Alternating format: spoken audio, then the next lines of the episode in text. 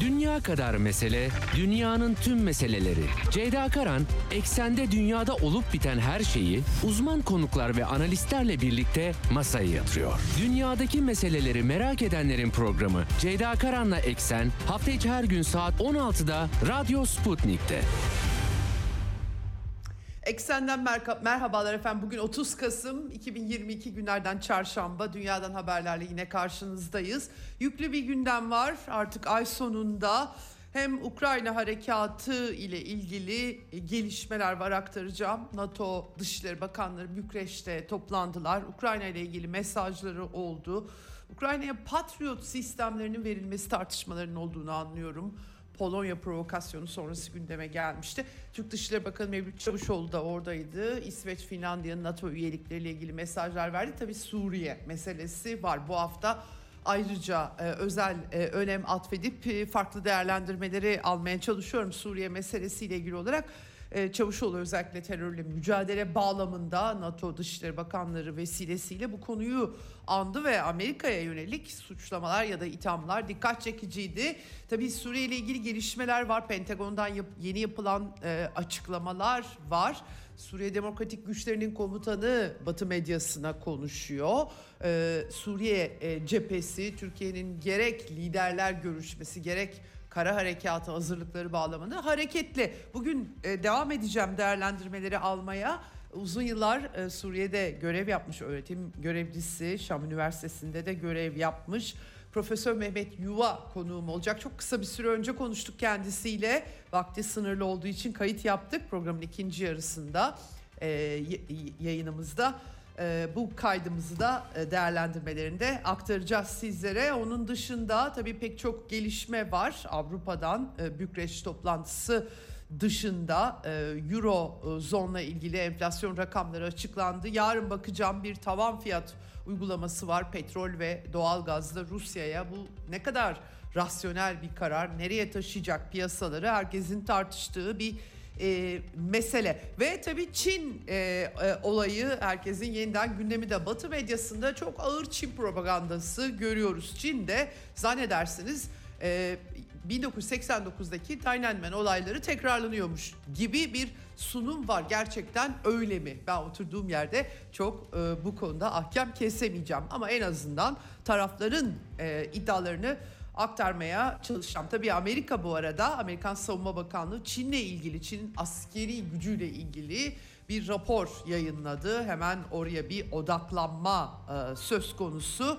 Amerika Anglo e, Anglo Amerikan cephede bir e, Çin karşıtı söylem var. Sıfır Covid uygulaması Çin'in milyonlarca insanın hayatını kurtardı bu arada. Yani Amerika'daki gibi olmadı ama e, buradan bir e, yeni Çin e, yönetimine diyelim, Xi'nin yeni dönemine batıdan pek çok e, mesaj e, aktarılmış oluyor. Bunları da aktarmaya sizlere e, çalışacağım. Tabii Orta Doğu'ya döneceğiz ve Suriye'de ki olası değişiklikleri e, hem ben aktaracağım size son gelen mesajları Çin'den de var Suriye bağlamında mesajlar. Profesör Mehmet Yuva'da e, konuğum olacak. Dün Amerika-İran maçı vardı bu arada. İran'daki gerginliğin de devam ettiğini söyleyebiliriz. Futbol sahalarına da yansıdı ama Amerika Birleşik Devletleri İran'ı yeşil sahalarda 1-0 mağlup etmeyi başardı. İranlılar çok uğraştılar ama e, olmadı. Oradan da e, protesto gösterilerinde mağlubiyetin kutlandığı yolunda görüntüler, haberler düşmüş vaziyette. Onları da aktarmaya e, çalışacağım sizlere. Başlamadan frekanslarımızı yine tekrar edelim.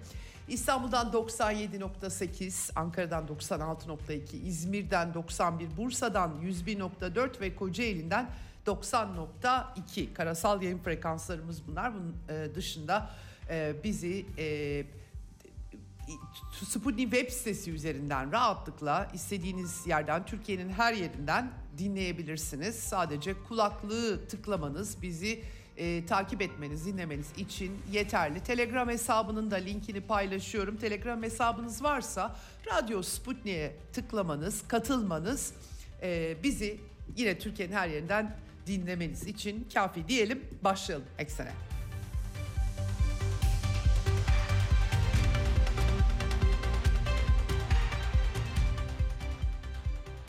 Ukrayna sahasında bir e, Ukrayna'nın karşı saldırısının durdurulması Rusya Federasyonu'nun her sondan stratejik çekilmesi sonrasında bir sabitlik bir istikrar hali vardı. Ama Bahmut cephesi önemli özellikle Donbas'ın Donetsk'in kurtarılması açısından dün aktarmıştım size. Bahmut'un güney bölgesi Rusya Federasyonu ve müttefikleri tarafından temizlenmiş gözüküyor.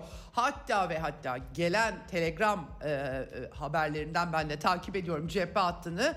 Gelen bilgiler Ukrayna güçlerinin Bahmut'tan artık çekildiği, bir tek yerel savunma güçlerinin kaldığı ve bir şekilde Bahmut cephesi Don, Donbas için, Donetsk için çok önemli. Oradaki Ukrayna savunmasının çökmek üzere olduğu haberleri de e, geliyor. Diğer e, bölgelerdeki e, küçük e, girişimlerin çöktüğü anlaşılıyor. Ukrayna ordusu e, adına e, Zaporojye e, bölgesi dahil bunların içerisinde. Onların yönetimini Ukrayna'ya devredeceği iddiaları yalanlanmış durumda ama çok fazla haberlerde düştü. E, Rusya Devlet Başkanı Vladimir Putin bu arada e, referandumla Rusya Federasyonu'na katılan bölgelerde federal mahkemelerin kurulması gerektiğini söyledi. Ayrıca tabii Ukro Nazilerin Rus nüfusa karşı soykırımlarının da değerlendirilmesi vurgusu yaptı. Nazi zulmü ve suçları hakkında kanıt toplama çalışmaları bir süredir devam ediyor biliyoruz. E, Sergey Shoigu, e, Rusya Savunma Bakanı da 2023'te devlet savunma siparişlerinin finansmanının bir buçuk kat arttırılacağını duyurdu. Savunma sanayine yatırım yapmaya da devam ettikleri söyleyebilir. Amerika ile stratejik görüşmeler, Start 3 anlaşmaları, stratejik silahların azaltılması ile ilgili Rusya tarafından ertelendi denilmişti. Kasım sonu, Aralık başı yapılacaktı Kahire'de. Amerikan tarafı da açıklama yapmıştı. Dün aktardım ben size. Rusya Dışişleri Bakan Yardımcısı Sergey Ryabkov bu konuda çok net bir e, açıklama yapmış aslında. E, Amerika'nın Kiev'i silahlara boğduğu bir dönemde e, kendileri açısından bu konuyu görüşmenin çok da bir anlamı olmadığını dile getirmiş e, kendisi. İstişare komisyonu toplantısı yıl sonuna kadar yapılacak deniliyordu. Ama e, Sergey Ryabkov genele bakıldığında gelişmeler bize başka bir seçenek bırakmadı. Karar siyasi düzeyde verildi. Vurgusu e, yaptı. Tümüyle yapılmayacak diye bir şey yok tabii ki ama e, özellikle e, böyle bir vekalet savaşı Amerikan tarafının Ukrayna üzerinden kendilerini tetiklediği biçimde tırmandırdığı ortamda bunu yapamayacakları mesajı anlaşılıyor. Ryabkov'un e, cümlelerinden e, pozisyonlarımız kökünden farklı diye de bir vurgu yapmış Ukrayna'daki duruma e, istinaden.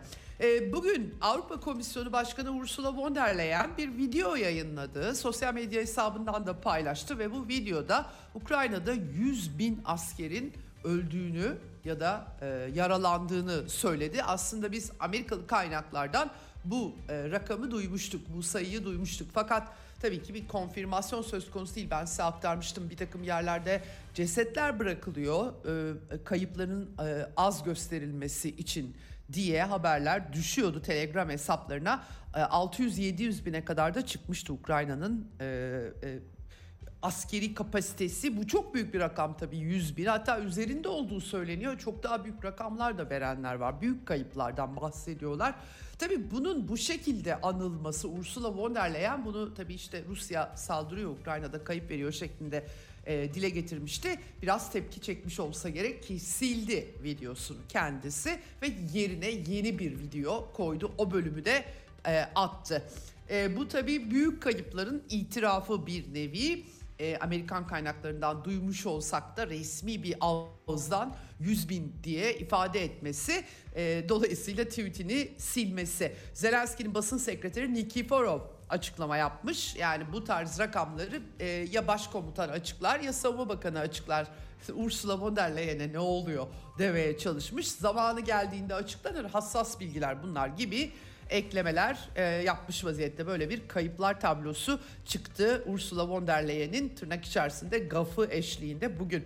Ukraynalı üst düzey yetkililer burada İsrail'i ziyaret etmişler. Hem e, uyarı sistemi füze saldırılarına yönelik İsrail'den almak istiyorlar hem de silah talep ediyorlar ama anladığım kadarıyla İsrail tarafı ki Netanyahu artık başa geçiyor e, çok e, gönüllü değil buna. Biraz da gizli tutmuş İsrail tarafı. Bakalım e, buradan ne çıkacak? İsrail'den bir e, destek olacak mı? İsrail'de de tabii e, Kiev'deki neo-nazilerle ilgili bir sıkıntı var genel anlamda ama daha liberal dünyayla birlikte hareket etmeyi seçti İsrail bu krizde. E, bütün bunlar olurken tabii dikkatler NATO toplantısına çevrildi. Dışişleri Bakanları toplantısı dün birinci günüydü Bükreş'te, e, Romanya başkentinde yapıldı. Öncesinde NATO savaş uçaklarının e, Ukrayna'ya devri olasılığının değerlendirildiği Bloomberg haber, haber ajansına yansıdı. Tabii bunlar işte Polonya'nın elindeki Sovyet döneminden kalma MiG-29'lar, Amerika'nın F-16'ları, daha eski nesil uçaklar.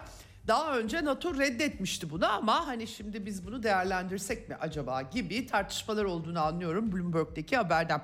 E, NATO Dışişleri Bakanları toplantısında da e, Stoltenberg Genel Sekreter çok açık konuştu. Barış için silah vermemiz lazım, barış için savaş lazım diyor e, kendisi. E, tabii ne gerekirse yapacağız diyorlar. Enerji sisteminin e, iletim hatlarına vurulması, kışı silah olarak kullanma, Rusya'nın kullanması olarak sunuluyor. Şimdi altyapı sorunları, yakıt, işte kışlık kıyafetler, sinyal karıştırıcılar, jeneratörler bunların finansmanı NATO toplantısında ele alınmış. Yapılan açıklamadan onu anlıyorum. Barış için de askeri destek vermemiz şart diyorlar e, saldırganın galip gelmemesini sağlamalıyız gibi cümlelerde kuruyorlar. Ukrayna çatışmasını Minsk anlaşması sayesinde hiç çatışmasız çözüme kavuşturmaları tabii ki mümkündü. Birleşmiş Milletler'in de onayı vardı ama o, o, o anlaşmayı çöpe atarak asıl çatışmayı kimin tetiklediğini bilen biliyor. Bunları anmıyorlar batıda genel anlamda. Şimdi burada Patriot meselesi var.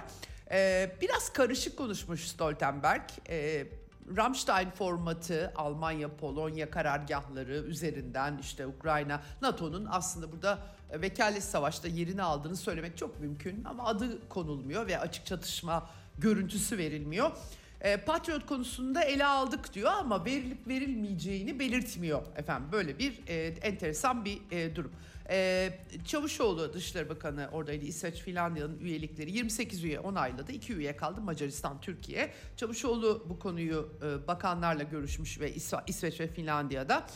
Ee, ve e, e, onunla ilgili de Türkiye'nin hala adım beklediğini dile getiriyor. Çok büyük bir gelişme yok ama İsveç özellikle biz elimizden geleni yapıyoruz Türkiye'yi ikna etmek için. işler yolunda ilerleme var gibi açıklamalar yaptı. Dönelim Ukrayna'ya. Ee, işte e, Annalena Baerbock e, Almanya'nın militarist dışişleri bakanı soğuğu savaş olarak kullanıyor. E, e, altyapıyı kasten hedef alıyor gibi gibi. Hakikaten işte NATO'nun dünyanın dört bir yanında yaptığı şeyler aslında ama e, böyle değerlendiriyorlar kendileri. Bütün dünyaya hakim olmaları gerekiyor. E, Anthony Blinken Amerikan Dışişleri Bakanı 53 milyon dolarlık bir ek yardıma hazır olduklarını duyurmuş e, elektrik şebekesi vesaire yani bunlar gerçekten büyük sıkıntılar Ukrayna'da. Benim anlamadığım Ukrayna kazanıyor diyorlardı. Şimdi sanki kazanmıyormuş gibi bir manzara oluşuyor. Yoksa yalan mı söylüyorlardı aslında böyle derken filan gibi şeyler düşüyor aklımıza. Şimdi Patriot meselesi NATO böyle kendi içerisinde bunu konuşuyormuş gibi bir durum var. Özellikle Polonya provokasyonu sonrasında yani Ukrayna'nın Polonya'yı vurması sonrasında. Pentagon'a sormuşlar. Ee, sözcü Tu General Patrick Ryder yanıtlamış soruları. Ee, şu anda patriot verme planımız yok diyor açıkça kendisi ama öte yandan da e, bir şekilde e, görüşmelere devam ediyoruz. Masada mı değil mi diye sıkıştırıyor gazeteciler tabii ki. Sadece patriot dahil tüm kabiliyetler masada diyebilirim diye böyle bir yarım yamalak bir mesaj vermiş e, durumda. E, şimdi tabii e, e, hal böyleyken e, buna tabii ki Rusya'nın tepkisine herkes dikkat kesiliyor. Çünkü e, bu konuda çok net tur, ta, tu, ta, tu, tu, tutum takındı. Ay dilim birbirine girdi. E, Rusya Federasyonu başından beri bu tarz silahların verilmesi halinde vurulacağını söyledi. Medvedev Telegram kanalından e, Güvenlik Konseyi Başkan Yardımcısı Dimitri Medvedev açıklama yapmış. E, bu eğer kendi personeliyle birlikte bu patriotları Ukraynalılar kullanamaz yani adam göndermeleri lazım. Eğer bu patriot sistemlerini kendi askerlerinizle bu şekilde teslim ederseniz bunlar Rusya Silahlı Kuvvetleri'nin meşru hedefi olurlar ona göre demiş. Bakalım nereye varacak bütün bu gelişmeler. Gerçi Amerika'da artık işte Ocak ayı yaklaşıyor. Yeni temsilciler meclisi Cumhuriyetçiler çoğunlukta artık temsilciler meclisinde. Kevin McCarthy, Nancy Pelosi'nin yerine Kevin McCarthy yeni çoğunluk lideri. E, Rusya'yı eleştirse bile askeri operasyonunu haksız olduğunu iddia etse bile e, demokrat yönetime açık çek vermeyeceklerini söylüyor. Ocaktan itibaren göreceğiz aslında Amerika'da olup bitenlerin bu işi ne kadar e, etkileyeceğini. E, Polonya Savunma Bakan Yardımcısı Marcin Osiepa da bu arada bir e, e, konferansa katılmış Krakow'da.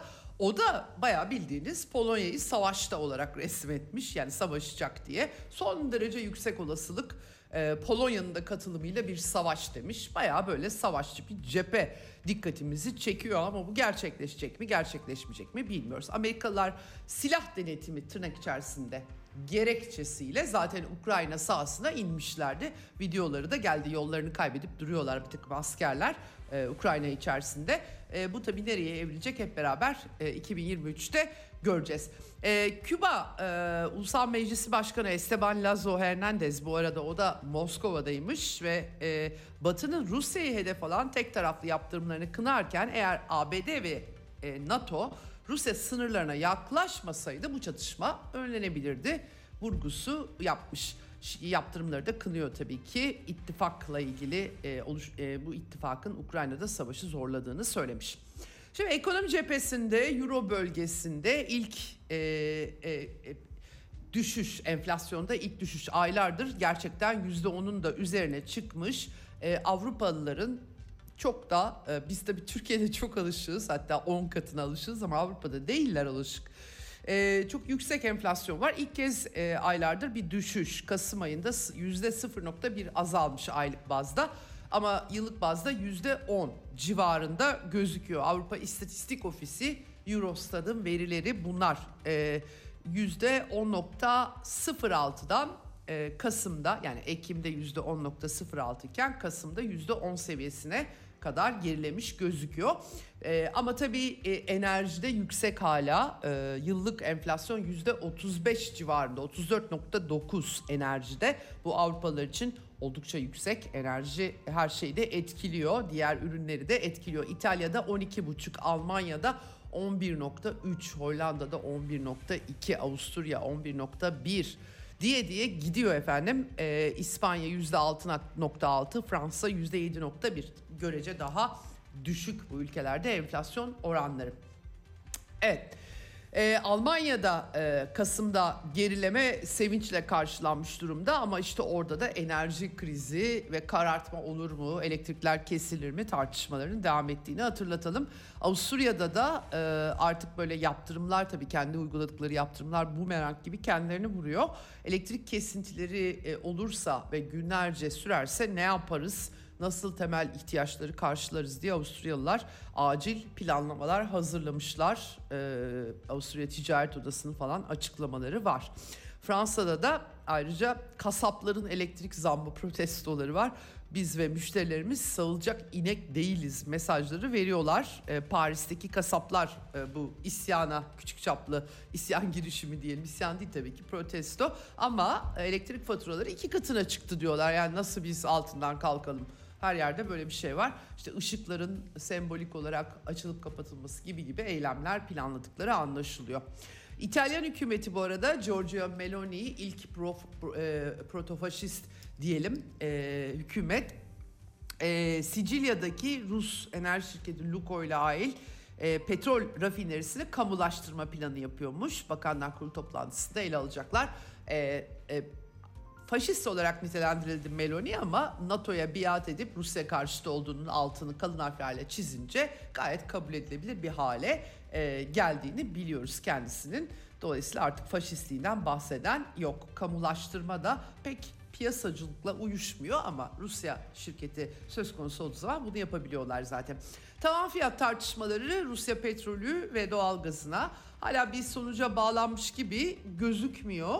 E, bu konuyu yarın daha detaylı olarak e, e, ele alacağım. Ama e, hakikaten e, e, piyasa koşullarında bugün zaten Rusya petrolü Hindistan çok büyük alımlar yapmış durumda piyasa koşullarının e, altında indirimle alıyor. Bu koşullarda işte 65-70 dolar düzeyindeki tavan fiyat ne anlama gelecek diye herkes sorguluyor. Bu inadın rasyonel bir mantığı var mı diye herkes sorguluyor. Ee, Birleşmiş Milletler bu arada Rus gübresini taşıyan ilk geminin Hollanda'daki limandan Afrika'ya doğru yola çıktığını rapor etmişler. Ee, öyle bekliyorlardı hani hani açlıktan Afrika kırılıyor Rusya yüzünden diyorlar ama gemi Hollanda'da bekliyordu tabii ki. Böyle enteresan bir e, batı e, çerçevesi çiziliyor. Ee, ekonomide böyle resim bir resim var. Ee, Rusya'da bu arada bütçe gelirleri Rusya Başbakanı Mihail Mishustin'in açıklamasına bakılırsa 9 ayda %10 oranında artış gerçekleşmiş. 20 trilyon ruble e, çıkmış. E, Ocak e, yani Rusya'da bütçe e, meselesine dair çeşitli adımlar atılıyor. Enflasyon dizginlenmiş gözüküyor. Biraz tabii rublenin fazla değerlenmesi gibi bir takım sıkıntıları e, vardı. Evet biraz Çin'e bakalım. Ee, 1 Aralık'ta Charles Michel Avrupa Komisyonu Başkanı olarak Çin'i ziyaret edecek. Özellikle Amerika'nın Rusya e, üzerinden yaptığı baskıların yanına bir de Çin eklenecek mi? Eklenecekse ne kadar eklenebilir? Herkesin son dönemde dikkati buraya çevrilmişti. Olaf Scholz'un Almanya Şansölyesi'nin Pekin ziyaretiyle.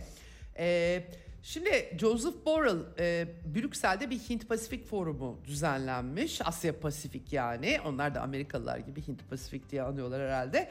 E, özellikle Hint Pasifik bölgesi diye andığı yer için Joseph Borrell ee, ki en son Avrupa bahçemizi korumak için jungle'a gitmeliyiz gibi cümleleriyle e, yeni sömürgeci e, formülasyonlarıyla dikkati çekmişti. Hint Pasifik bölgesinin tarihin yazıldığı yer olduğunu, Avrupa Birliği'nin bölgeye daha fazla yatırım yapması gerektiğini söylemiş. Böylece jungle'a el atmış olacaklar herhalde kendi bakış açısıyla. Bir ASEAN zirvesi Aralık ortasında yapılacak Avrupa Birliği ile birlikte e, böyle bir şekilde bir e, Asya'ya çıkış olacak. Onun öncesinde bu bölge işte tarihin merkezi olacak. Tarihin yazıldığı yer olacak. Biz de e, işte e, belirgin bir rol oynamalıyız bölgede e, vurgusu yapmış. Bir de sıfır Covid tabii. Bütün dikkatler Çin'de bir e, Covid isyanı mı var ona çevrilmişken böyle imalı laflar için gücün merkezileşmesi ve milliyetçilikteki yükselik işte değişiyor filan gibi bir takım saptamalar yapıyor. Hiç Avrupa'da olmayan şeyler bunlar biliyorsunuz. Hep jungle'larda oluyor. E, kendileri e, bu perspektifi de dünyanın geri kalanına rahatlıkla da kabul ettirebildiklerini düşünüyorlar. E, böyle bir resim. Bir yandan tabii Amerika'nın askeri anlamda Çin'e dair sürekli kaygılarını ve endişelerini canlı tutma çabaları devam ediyor. En son Pentagon bu yıl e, 2021 rapor e, Çin değerlendirmesi, Çin'in kapasitesi diyelim bir rapor yayınlamış ve e, Çin'in ABD'nin ulusal güvenliğine, özgür ve açık bir uluslararası sisteme, bu özgür açık uluslararası sistem biliyorsunuz Amerika'nın istediği yerde istediğini yapması, başkalarının yapamaması anlamına geliyor tabii ki. E, bu açıdan sistemik bir sorun haline gelmiş Çin Amerikalılar için öyle diyorlar. E, biraz böyle nükleer savaş başlıkları üzerinden tabii tahminler varmış. 400 nükleer savaş başlığı e, kadar aslında bunu böyle 10 yılda geleceklerdi ama e, çok hızlı bir biçimde buna ulaştılar.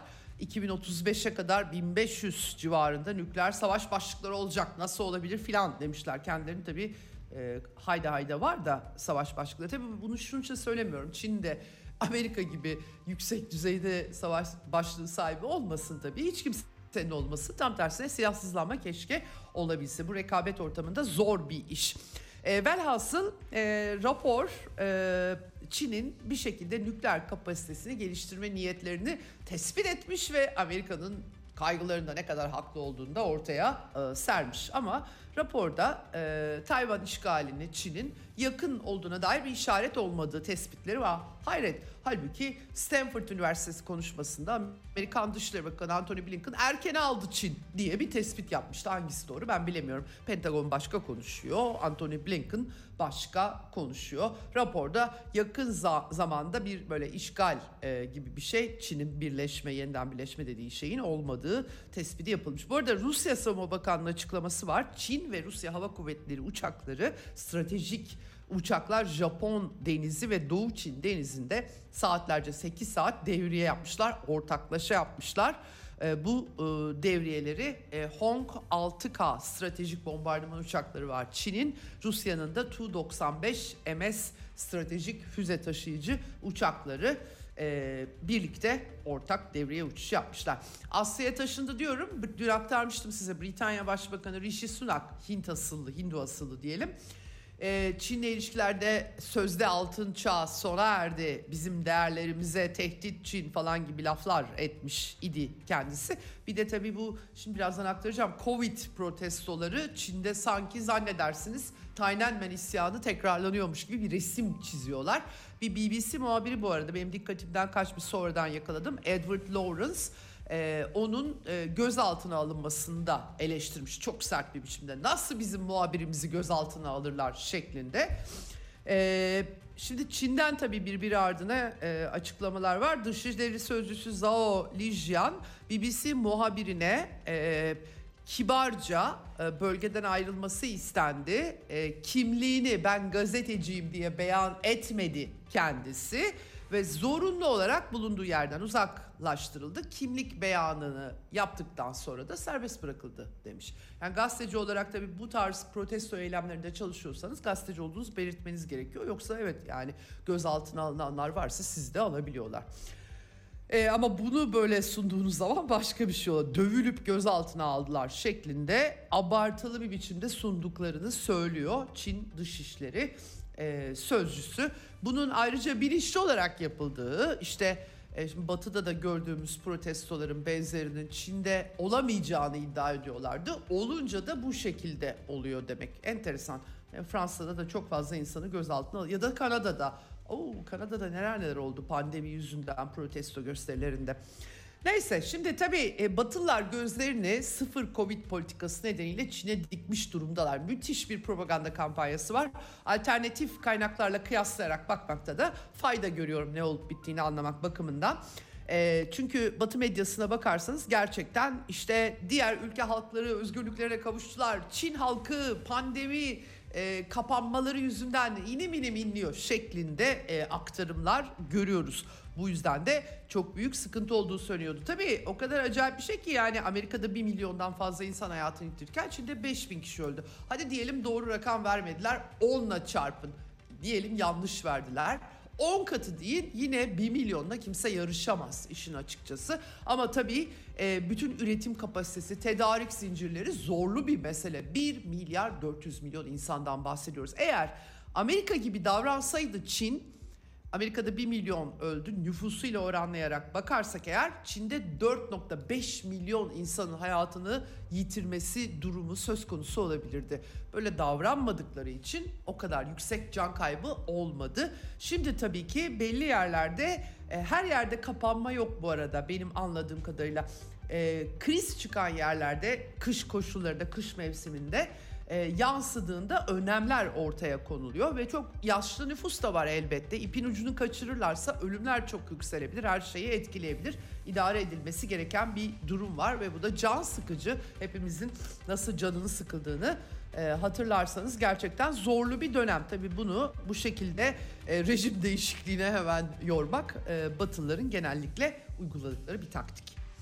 Evet Burada Çin Komünist Partisi'nin eski lideri e, Yang Zemin 96 yaşında hayatını yitirmiş. Zaten rahatsızdı. Bayraklar yarıya indirilmiş Çin'de. Böyle notlar e, söz konusu. E, Pakistan Talibanı e, ateşkesi vardı aslında hükümetle Pakistan'ın içerisinde ateşkesi bozmuşlar. Ülke çapında saldırı emri vermişler ve e, derhal e, Pakistan'ın batısında Tehriki Tahriki Ta- Taliban e, Keta kentinde bir intihar saldırısı düzenlemiş. 3 ölü 23 yaralı e, ortaya çıkmış. Maalesef böyle bir Pakistan'da olumsuz gelişme. Evet şimdi birazdan Türk dış politikasını e, konuşacağız. E, e, birkaç küçük not Hulusi, Hulusi Akar, e, Milli Savunma Bakanı, İsrail Savunma Bakanı Benny Gantz artık veda ediyor görevine. Tekrar olacak mı öyle gözükmüyor. Telefonda görüşmüş, veda görüşmesi. Fransa Savunma Bakanı ile görüşmüş. Ee, böyle e, e, hem İsrail hem Fransa ile temaslar var ama Çavuşoğlu Bükreş'te NATO Dışişleri Bakanları toplantısında e, özel olarak terörle mücadelede ABD başta olmak üzere kimi müttefiklerin Suriye'deki terör örgütlerine verdiği destek apaçık ortada diye ifadeler kullanmış durumda. Şimdi e, yüksek sesle NATO toplantısında dile getirilmiş bir rahatsızlık söz konusu. Amerika'dan en son Suriye'de e, Suriye'nin kuzeydoğusunda diplomatlarını ve çalışanlarını tahliye ettiği iddiaları Almonitör sitesine yansımış vaziyette sivil elemanları Erbil'e e, tahliye etti deniliyor. Pentagon'da e, Pençe Kılıç Harekatı ile ilgili bir açıklama yaptı. Devriyeleri azalttıklarını söyledi General Patrick Ryder. Biraz da biz bu IŞİD'le mücadele zarar görsün istemiyoruz. Türkiye böyle yapmasın diyorlar. Yakın temastayız diyorlar. Suriye Demokratik Güçleri'nin e, komutanı Mazlum Abdi de istihbarat aldık. Türkiye geniş çaplı harekata girişecek. Çok büyük olacak harekat diyor. Ee, ve e, güvenceler istiyoruz. IŞİD daha aktif hareket edecek diye de şikayet e, ediyor efendim. Evet böyle bir çerçeve var. E, Rusya yetkilileri pazar günü e, YPG-PYD ile görüşmüşler. E, İran, Türkiye yetkilileri görüştü. Böyle bir resim var. Peki ne olacak bundan sonra? Türkiye yeni söylemler geliştiriyor Suriye ile ilgili. Çok kısa bir süre önce Profesör Mehmet Yuva ile konuştuk. Kendisi değerlendirmelerini aldım. İkinci bölümde şimdi onları dinleyelim. Dünya kadar mesele, dünyanın tüm meseleleri. Ceyda Karan, eksende dünyada olup biten her şeyi uzman konuklar ve analistlerle birlikte masaya yatırıyor. Dünyadaki meseleleri merak edenlerin programı Ceyda Karan'la Eksen hafta içi her gün saat 16'da Radyo Sputnik'te. Eksenin ikinci yarısındayız. Şimdi telefon hattımızın diğer ucunda Profesör Mehmet Yuva var. Hoş geldiniz yayınımıza. Çok teşekkür ediyorum. Hayırlı yayınlar Ceyda ben teşekkür ederim hocam katıldığınız için. En son e, yanılmıyorsam geçtiğimiz yaz aylarında konuşmuştuk sizinle. Yine e, bir Suriye dosyası ısınmıştı o dönemde de e, Türk dış politikası e, açısından. E, şimdi daha da sıcak günlerden geçiyoruz sanki hocam. Ne dersiniz? Ee, Ankara'dan belki bu 12 sene içerisinde, 11 sene içerisinde hiç bugüne kadar gelmemiş mesajlar e, geliyor. Öncelikle neden e, geliyor diye sizin e, görüşünüzü almak isterim. Neden şimdi? Evet çok teşekkür ederim. Önemli bir soru. Suriye sahasında bir çıkmaza gibi. Yani Türkiye'nin daha önce üstlenmiş olduğu bir misyonu, rolü vardı. Bu misyon ve rolü Türkiye'de geleneksel e, görevin e, Suriye'de e, bir çıkma sokağa girdiğini tespit edebiliriz ve rahatlıkla söyleyebiliriz. Şimdi böyle bir durum söz konusu olduğunda bir ülkenin önünde iki tane alternatif olur. Ya o geleneksel çizgide ısrar eder, e, hangi amacı güttüyseniz, hangi amaca uygun Suriye'ye müdahale ettiyseniz, hangi proje ve plan için orada bulunuyorsanız bunda ısrar eder ve bunun tahakkuk etmesi için sonuna kadar gidersiniz. Ancak eğer bu plan ve projelerde başarısızlık varsa bunları tekrar gözden geçirmek zorunda kalırsınız. Yani saha gerçekliği kendisini size dayat. Şu, şu an Suriye sahasında şöyle bir gerçeklik var. Genel tabloya baktığımız zaman artık yavaş yavaş toparlanan, kaybettiği birçok bölgeyi geri alabilen, daha istikrarlı, e, kendisine daha güvenli hisseden, yanında Rusya gibi, İran gibi önemli devletleri, Çin Halk Cumhuriyeti'nin desteğini almış, Latin Amerika'da e, birçok ülkenin desteğini almış, Arap dünyasıyla artık e, barışmış, e, geleneksel düşman olarak talakki ettiği Suudi Arabistan'ın Birleşik Arap Emirlikleri'nin, Mısır'ın, özellikle Mursi sonrası Mısır'ın dostluğunu kazanmış, Cezayir gibi, Tunus gibi önemli önemli ülkelerin desteğini kazanmış bir Suriye var. Buna mukabil Suriye'de farklı hedefleri ve amaçları olan iki önemli ülke var. Amerika Birleşik Devletleri ve Rusya. Rusya tarihinde ilk kez bu Suriye krizinden mütevellit 2015'ten sonra yapmış olduğu müdahale sayesinde hem Rusya'da hava üslerine hem denizde deniz üslerine sahip olabildi. Suriye devleti üzerinde önemli bir imtiyaz sahibi oldu. Etkili bir konumda ve e, Suriye üzerinden Doğu Akdeniz'de de Orta Doğu'da da artık sözü dinlenen e, e, oyun kurucu ve başkalarıyla meseleleri artık masaya oturup e, ya uzlaşan ya da sonuç alan bir ülke konumu. Buna mukabil Amerika Birleşik Devletleri hedef ve amaç itibariyle bu Büyük Orta Doğu Projesi çerçevesinde Suriye'ye bir müdahaleyi yaptı. Önce Irak'a yaptı, ardından Kuzey Afrika'da yaşanan olayların ardından Suriye'de esas itibariyle İsrail'le birlikte gittikleri ortak bir amaç vardı. Yani esas itibariyle Suriye'yi 100 sene önce bu Sykes-Picot Antlaşması'na uygun olarak nasıl ki din temelli, dil temelli, ideolojik temelli paramparça ettiler. Lübnan'a Maroni Katolik, Filistin'e Yahudi, işte Suriye'ye Alevi Dürzi, e, Irak'a Şii, Türkmen, Kürt vesaire gibi yapıları tesis ederek aslında bu toplum arasındaki birliği, beraberliği bu şekilde engellediler. Birlikte bir devlet olma, devlet kurma e, en azından imkanını ortadan kaldırdılar. Ama buna rağmen kurtuluş mücadelesi sonrasında bu ülkeler nispi bir bağımsızlık egemenlik kazandılar ama bu nispi bağımsızlık diğer bölgelerin esas parçadan koparılmasına engel teşkil edemedi. Şimdi yapılan Amerika Birleşik Devletleri ve İsrail terörünün ortaya koyduğu proje binaen esas kalan son büyük parçayı da yani Suriye'yi kendi içinde paramparça etmek. Bunu da e, yalan sloganlarla, ifadelerle, taleplerle, demokrasi diyerek, özgürlük diyerek, işte mazlum Kürt halkına kendi kaderini tayin hakkı diyerek, işte IŞİD'e karşı savaş diyerek Suriye'ye bu müdahaleyi yaptılar. Suriye yaptıkları müdahalede İsrail'in çıkarları vardı. Onların petrol ve doğalgaz çıkarları vardı.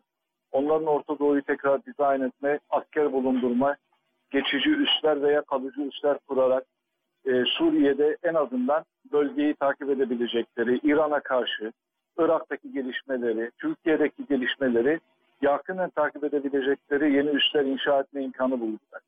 Ancak geldiğimiz bu nokta itibariyle Türkiye ile Amerika arasında özellikle bu Büyük Orta Doğu Projesi çerçevesinde Türkiye'nin üstlendiği gelenekler görev yerine 2016'dan sonra Türkiye'nin iddia edilen kendi göbek bağını kesmesi, orada kurulacak olan Türkistan'a müdahalesi, kendisinin daha önce parçası olduğu Kürt meselesini Amerika ile İsrail'le birlikte çözme konumundan artık o meselenin Türkiye'ye karşı kullanılan bir proje olduğunu idrak etmesi sonucunda sahada da birlikte hareket ettiği insanları yalnız bırakmama, örgütleri yalnız bırakmama adına Suriye'ye bu müdahaleyi yaptı. Şimdi geldiğimiz konum itibariyle Türkiye'nin, Suriye'nin de, Rusya'nın da önünde Amerika Birleşik Devletleri'nin bu varlığına tahammül mü edilecek? Varlığı devam mı edecek? Yoksa Amerika ile oturup uzlaşıp Amerika'nın bazı arzuları yerine getirilip Amerika'nın desteklemiş olduğu YPG PKK yalnızlaştırılacak mı? Bu örgüte karşı Türkiye ve Suriye birlikte e, ortak askeri operasyon mu yapacak? Yoksa Türkiye'nin baskıları sonucu sahada mevcut olan Rus güçlerinin komutanının YPG askeri ve siyasi lider kadrosuna söylediği bu bölgeleri yani Münbiç'i, Terrifat'ı ve Aynıl Arab'ı terk edin, burayı Suriye ordusuna verin talebini YPG karşılayacak mı? Şu an gördüğümüz kadarıyla YPG buna e, olumlu bir cevap vermiş değil. Eğer bu karşılanmadığı takdirde ki Rusya'nın iddiası odur ki Türkiye aslında bu üç bölgenin Suriye devletine ve ordusuna bırakılması taraftarıymış. Eğer bu yapılmadığı takdirde buna karşı nasıl bir askeri operasyon düşünülüyor? Birlikte mi yapılacak? Yalnız başına böyle bir kara operasyonu mu yapılacak? Böyle bir sürecin içinden geçiyoruz. Ama gördüğüm kadarıyla artık Türkiye ile Suriye arasında farklı farklı bazen ifadeler de ortaya çıksa, Suriye Devlet Başkanı'nın siyasi danışmanı Hüseyin Şaban'ın farklı bir açıklaması da olsa, Türkiye'de Cumhurbaşkanı'nın e, açıklamalarına tezat teşkil eden başka açıklamalar da duysak, sahada gördüğümüz şudur. Güvenlik istihbarat alanında yapılan ortak çalışmalar bir siyasi işbirliğine evrilecek. Ve bu siyasi işbirliğinin evrileceğinin işaretlerini de Suriye Devlet Başkanı Beşer Esad'dan da duymaya başladı. Eğer bu siyasi işbirliği sahada gerçekleşirse o zaman birlikte askeri olarak da yani sadece istihbarat alanında değil birlikte ortak askeri operasyonlara katılmanın da imkanı ve imkanları doğacak. Peki hocam şunu sormak istiyorum size. Tabii e, Suriye'nin Ankara'ya karşı şartları da vardı. E, İdlib e, hala statükosu donmuş halde Soçi mutabakatlarına rağmen e, duran bir bölge. E, şimdi Erdoğan'ın açıklamaları oldukça iyimser. Görüşme, buluşma. Bir yandan da kara harekatı. Böyle çok çelişkili de bir resim var aslında. E, Fırat'ın batısı bağlamında Ankara'dan bir adım görmek mümkün mü e, bu çerçevede? Ben sorunuzu çok iyi anlayamadım. Özür dilerim. Ee, şunu kastet Evet, şunu kastediyorum. Ee, birlikte operasyon yapmak diyoruz ama e, Suriye hükümetinin e, Türkiye'nin e, güçlerini çekmesi ve oradaki cihatçı unsurları desteklemekten vazgeçmesi gibi koşulları vardı. Suriye devletinin ortaya koyduğu. E, bu koşulları e, etkileyecek gelişmeler görür müyüz? Ya da Ankara'nın atacağı bir olası adım olabilir mi? Fırat'ın batısında bu işbirliğinin şartı olarak Türk Silahlı Kuvvetleri'nin oradan çekilmesi talebi pratik değil, objektif değil ve şu an itibariyle yerine getirilecek bir talep değil. Zaten bunun bilincinde olan Suriye Dışişleri Bakanlığı Faysal Migrat'ın ağzından biz Türkiye tarafından bize bir zaman takvimi, bir cetvel önümüze konulsun. Çekilme nasıl olacak, ne zaman olacak vesaire gibi yeni yeni açıklamalar da duyduk. Yani hemen önce Türk Silahlı Kuvvetleri oradan çekilsin ondan sonra bir Türkiye'yle oturalım. Siyasi hı hı. işbirliğimizi görüşelim. Talebi yok. Hı. Zira hı. zaten bunu bu aşamada talep talep etmek e, çok da gerçekçi bir, bir yaklaşım olmaz. Rusya'nın da böyle bir talebi yok. Yani Türk Silahlı. Kuvvetleri'nin oradan çekilmesi ancak bu siyasi işbirliği sonucu gerçekleşebilir. Bu gerçekleştiği takdirde de zaten Türk arasındaki siyasi ilişkiler düzelirse, normalleşirse oturacaklar. Hı hı. Türk Silahlı Kuvvetleri ile sahada Suriye Silahlı Kuvvetleri'nin ve devletinin lehine nasıl bir kazanım elde edilir? O bölgelere hudut boyunca Suriye ordusu nasıl e, yayılabilir ve oranın kontrolü ona bırakılabilir? Ki kendi toprağında, kendi devletinde ordusu bu güvenliği e, sağlayabilsin. Bence bunlar masada olacak, bunlar konuşulacak. O vakit işte hı hı.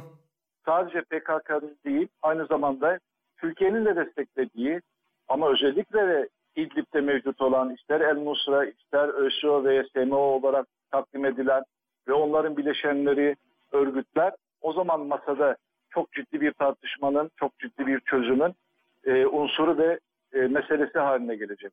Bu insanlar silah mı bırakacak, Suriye ordusuna mı teslim olacak, Yoksa e, Türkiye'nin Türkiye'nin önereceği başka şeyler mi olacak? Bir polis teşkilatı gücü olarak Suriye devletinin bir müddet orada silahlı gücü mü olacak? Tüm bu konular masada olacak. Bunlar iki devletin uzmanları, askeri, siyasi, istihbarat uzmanları böyle görüşecek. Ama bu aşamada Türk Silahlı Kuvvetleri'nin oradan çekilmesini zaten Suriye tarafı da talep etmemektedir. Yani duyduğumuz açıklamalar Türk Silahlı Kuvvetleri Suriye'de işgalci güçtür, çekilmelidir, ifadeleri hukuken doğrudur. İç kamuoyu için yapılan açıklamalar uygundur. Ama pratikte e, şu an geçerli olan talepler değildir. Rusya'nın da Suriye'nin de acilen gündeminde olan bir talep de değildir. Evet. E, son olarak hocam bir de tabii Suriye e, Türkiye'den biraz daha farklı bakıyordu kendi içinde PYD, YPG unsuruna e, ve Suriye'nin içerisinde çözüm vurguları öne çıkıyordu. E, artık bu e, sahadaki hakikatler çerçevesinde ve e, e, belki Suriye Demokratik Güçleri Amerika'nın öncülüğünde kurulan Suriye Demokratik Güçleri'nin tutumu nedeniyle Şam'ın da tutumu değişti diyebilir miyiz? Şimdi şunu çok samimi olarak ifade ederim. E, çünkü bu somut, objektif gerçekliği bilmeden e, Suriye sahasında özellikle e, Kürt vatandaşlarıyla Suriye Cumhuriyeti'nin Kürt vatandaşlarıyla ilgili işte Suriye tarafının devlet politikalarını anlamak biraz zor olur. Şimdi biliyorsunuz o bölgeden Suriye ordusu çekilirken kendi köylerini, bölgelerini vesaire koruma altına almak, işitvari gibi örgütlere karşı savunmak için bizatihi Suriye tarafı silah verdi, maaş verdi. Uzun yıllar boyunca o bölgelerin bunlar tarafından kontrolüne ses çıkarmadı. Çünkü öncelikleri vardı. Uğraştığı, savaştığı başka cepheler vardı vesaire. Şimdi eğer o tarihte e, SDG ve YPG olarak ortaya çıkan ve PYD olarak ortaya çıkan Zira PYD'nin, YPG'nin en güçlü bir askeri yapı olarak ortaya çıkmasının da tarihi bir sebebi var. PKK'nın uzun yıllar Suriye'de yaşamış olması, o bölgede uzun yıllar siyasi faaliyetler içinde olması, bir altyapısı vardı. Bu iş savaşta kendisine bir imkan verdi ve geldiler o boşluğu askeri olarak da doldurdular. Ee, bir nebzede kendi bölgelerini gerçekten de savunmak zorundaydılar. Ancak zaman içinde şu görüldü. Suriye devleti zayıfladıkça bunlar kendi siyasi ajandalarını, programlarını hayata geçirebilmek için daha başka farklı devletlerle işbirliğini tercih ettiler. Türkiye ile de bu işbirliğini aradılar. Fransa ile aradılar, İngiltere ile aradılar, İsrail ile aradılar. Hatta Suudi Arabistan, Katar bile devredeydi. Birleşik Arap Emirlikleri subayları bile bölgedeydi. Rusya ile ilişkileri sağlam tuttular. En nihayetinde Amerika Birleşik Devletleri'nde karar kıldılar. Ve Amerika Birleşik Devletleri çok önemli silah yardımlarıyla, çok önemli desteklerle bu örgütü palazlandırdı. Şimdi o noktaya geldiler ki burayı biz kontrol edebiliyoruz. Biz Suriye ordusuna kafa tutabiliyoruz. Türk ordusuna kafa tutabiliyoruz. Petrolünü, pet, e, buğdayını, pamuğunu biz kontrol ediyoruz. Bu bölgede idareyi biz elimize tutuyoruz. Bizim artık işi de savaşan bir örgüt olarak hakkımız burada kendi kaderimizi tayindir. Merkezi devletten bağımsız bir başka özel otorite kurma hakkımız var. Bunu bize sağlayacak olan da Amerika Birleşik Devletleri bunun sözünü aldık. Bu sebeple kendileriyle birlikte hareket ediyoruz diyorlar. Bu sebeple de Rusya'nın ılımlı yaklaşımlarına, Suriye Devleti'nin taleplerine ve yaklaşımlarına çok daha büyük taleplerle, çok daha farklı imtiyazlar kopararak yaklaşıyorlar. Ve başından itibaren söyledik. Suriye Devleti kendi merkezi devletinden bağımsız, aynen Irak'taki gibi, Kuzey Irak'taki gibi bir federasyona bağımsız özel bir yönetimi, hele ki o yönetimin bir silahlı örgüt tarafından korunmasına asla izin vermeyecektir dedik ve bunu kabul etmeyecektir dedik. Bunu istediğimiz biçimde e, değerlendirebiliriz. İster haklı ister haksız bir talep olarak da diye değerlendirebiliriz. Ama Suriye devleti üniter yapısını tehdit eden, bu tür toprak taleplerinde bulunan ve silahlı örgütleriyle o toprak parçasını kendi özel idaresi teşkil ederek e, korumaya çalışan bir silahlı yapıya izin vermeyecek. İster Türkiye ile bu işbirliğini yapsın, ister Rusya ile yapsın, ister başka devletlerle yapsın. O gün gelecek ve oradan bu YPG'nin silahlı varlığına müdahale edecek ve e, Türkiye'nin yapacağı operasyona da ya destek verecektir ya zımnen kabul edecektir ya da bir bizatihi operasyon parçası olarak operasyona katılacak ve YPG'nin oradan sökülüp atılmasını sağlayacaktır. Çünkü kendilerine hem Rusya tarafından hem Suriye devleti tarafından götürülen çok önemli e, çözümler oldu. E, gelin bu Suriye ordusunun parçası olun. Gelin e, bugün işgal etmiş olduğunuz ve bulunduğunuz bölgeleri, mıntıkaları Suriye ordusuna verin. Türkiye tarafı da kara operasyonunu, hava operasyonunu durdursun. Bu sayede de oturun Suriye devletiyle hangi haklarınız varsa, hangi talepleriniz varsa devletinizle görüşerek bunu çözüme kavuşturun. Ama Amerika'ya sonuna kadar güvenerek biz muhakkak ki bu devlette ısrarcıyız, bu taleplerimize ısrarcıyız tutumunu takınırsanız ve bu tutumda ısrarcı olursanız Afganistan'da yaptığını Amerika Birleşik Devletleri size de yapar. Oturur Rusya ile Türkiye ile Suriye tarafıyla oturur anlaşır alabileceklerini alır. Zaten bakın göstergesi de şimdi ortaya çıktı. Amerikan üslerinde mevcut olan diplomatlarını, sivillerini vesaire Kuzey Irak'a taşıyor. Yavaş yavaş ağır silahlarını çok insanın medyamızda bahsetmediği bir konudur bu. Daha önce PKK'ya getirildi. PKK tarafından kullanılması için PKK'ya verilecek, YPG verilecek denilen o önemli hava savunma sistemlerini söküp Kuzey Irak'a götürüyor. Eğer bir Suriye ordusu veya Türk ordusunun müdahalesi olursa bu silahlar onların eline geçmesin diye. O noktaya o noktaya gelindi ama bunlar halen akıllanamadılar. Halen bunlardan ders çıkaramadılar. Halen Amerika'nın ve diğer devletlerin sonuna kadar Rusya'ya, Türkiye, Suriye'ye karşı, karşı onların yanında yer alacaklarına inandılar. Bu sayede de hem kendi ayaklarına sıkıyorlar hem de orada iddia ettikleri, temsil ettikleri Kürt halkına da zarar veriyorlar ve zulüm ediyorlar. Bu sebeple ya Suriye devletinin önermiş olduğu bu program etrafında uzlaşacaklar, işbirliği yapacaklar ya da bir e, silahlı e, müda müdahalenin önünü açmak zorunda kalacak. Evet. Peki hocam çok teşekkür ediyorum değerlendirme için. Hep birlikte izleyeceğiz, göreceğiz ama e, önemli bir e, perde arkası değerlendirme oldu. Çok teşekkürler. Ben teşekkür ediyorum. Hayırlı yayınlar. Sağ olun. Evet Profesör Mehmet Yuva ile konuştuk. Kendisi Suriye'yi çok yakından biliyor.